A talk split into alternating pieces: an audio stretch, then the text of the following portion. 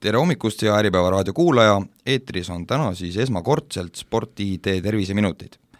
hakkame teiega olema siin igal esmaspäeva hommikul, et jagada spordi- ja terviseteemalisi nõuandeid. ikka selleks, et teie töökas nädal saaks mõnusa ja tervisliku sportliku hoo kohe sisse, mina olen saatejuht Silver Laks ja minuga koos on siin Sport-ID peatreener Kristi Roosimägi, tere hommikust! tere hommikust! No täna esimeses Terviseminutite saates võtakski kohe teemaks, et miks peaks üldse üks inimene trenni minema, et äh, tihtipeale ikka see trenni minemise mõte tekib sellest, kui see peeglist vastu vaatav siluett ei ole päris selline, nagu võib-olla ootaks, ja mulle endale tundub, et võib-olla see tervislikkuse aspekt jääb pisut tahaplaanile. Kristi, ma tean, sina oled aastaid-aastaid selles spordimaailmas sees olnud, ütle mulle, mis sinu kogemus selle koha pealt räägib? See, kuidas me ennast peeglist näeme, see on väga palju seotud meie mõtlemisega, aga kui me oleme aktiivsed, tervislikud, teeme trenni, siis tegelikult on meil ka ilusam elu ja positiivsemad mõtted. ja siis ilmselt on see siluett, mis sealt peeglist vastu vaatab, ka palju nii-öelda positiivsem ja, ja selline, nagu meile just meeldib ma tooksin äh, välja täna selle aspekti, et äh, üks asi on selline siis äh, füüsiline hea väljanägemine, aga ma arvan, et inimesed tihtipeale ei anna endale aru, et tegelikult kui me teeme trenni, oleme sportlikud, siis me oleme oluliselt tugevama tervisega ja me põeme palju vähem kõiksugu külmetushaiguseid ja see on just täna vägagi aktuaalne, kus äh, suvest on märkamatult saanud peaaegu et talv ja, ja kõiksugu külmetushaigused hakkavad meid kimbutama. Äh, kui me teeme trenni, siis meie immuunsüsteem ongi tugevam ja, ja see lihtsalt nii on, et, et vaadake ringi oma tutvusringkonnas, et need, kes spordivad rohkem, kui tihti nemad haiged on ja, ja kui tihti on need haiged, kes tegelikult eriti tihti sinna äh, trennima või, või sportima ei jõua no see tervislik, kes meist ei tahaks siis tervislik ja ilus ja selge välja näha ja mitte kunagi haige olla, eks. aga kui nüüd ütleme äh,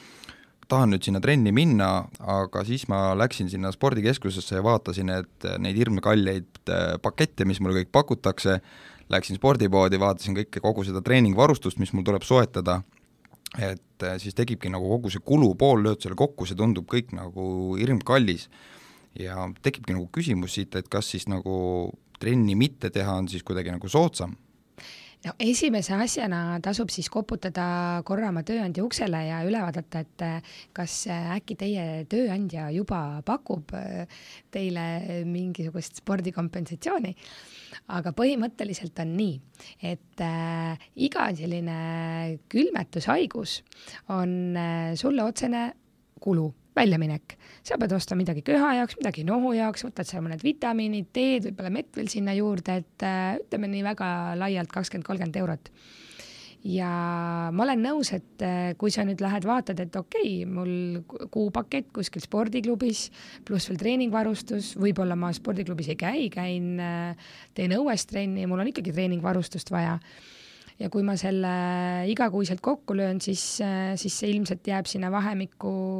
kolmkümmend kuni viiskümmend eurot. ehk siis niiviisi vaadates siis oleks justkui tunduks, et äh, iga kuu haige olla on odavam kui iga kuu trennis käia. aga siin kindlasti tuleks nagu mõelda ka selle peale, et äh, kui sa haige oled, siis sa ei käi tööl ja esimesed kolm päeva istud sa kodus ilma rahata ja sealt edasi oled sa otsene nii-öelda kuluallikas oma tööandjale. kui sa haigena käid tööl, siis sa kindlasti ei mõju hästi oma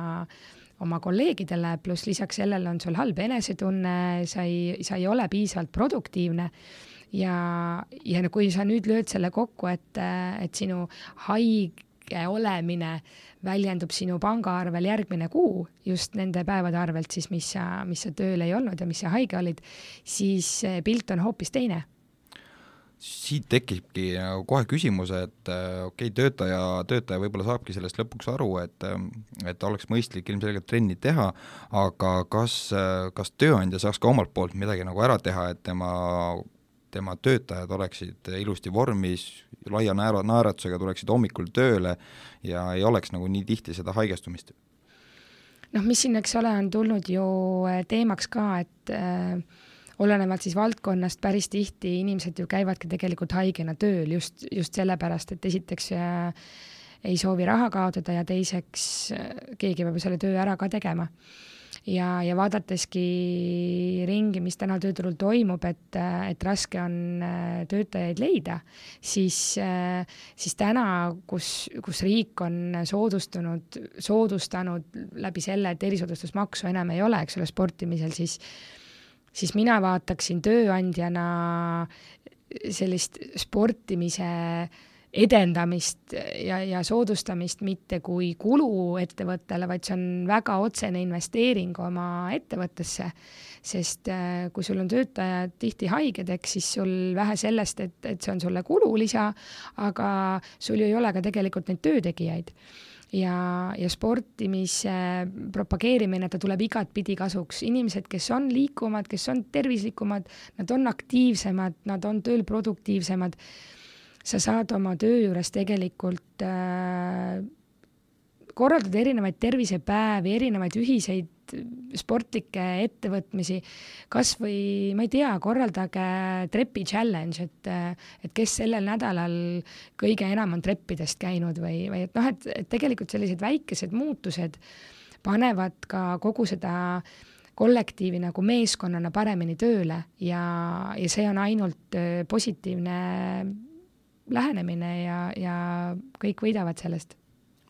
Väga mõistlikud nõuanded nii tööandjale, töötajatele kui kõikidele inimestele, ma usun, et kõik õppisid täna midagi uut.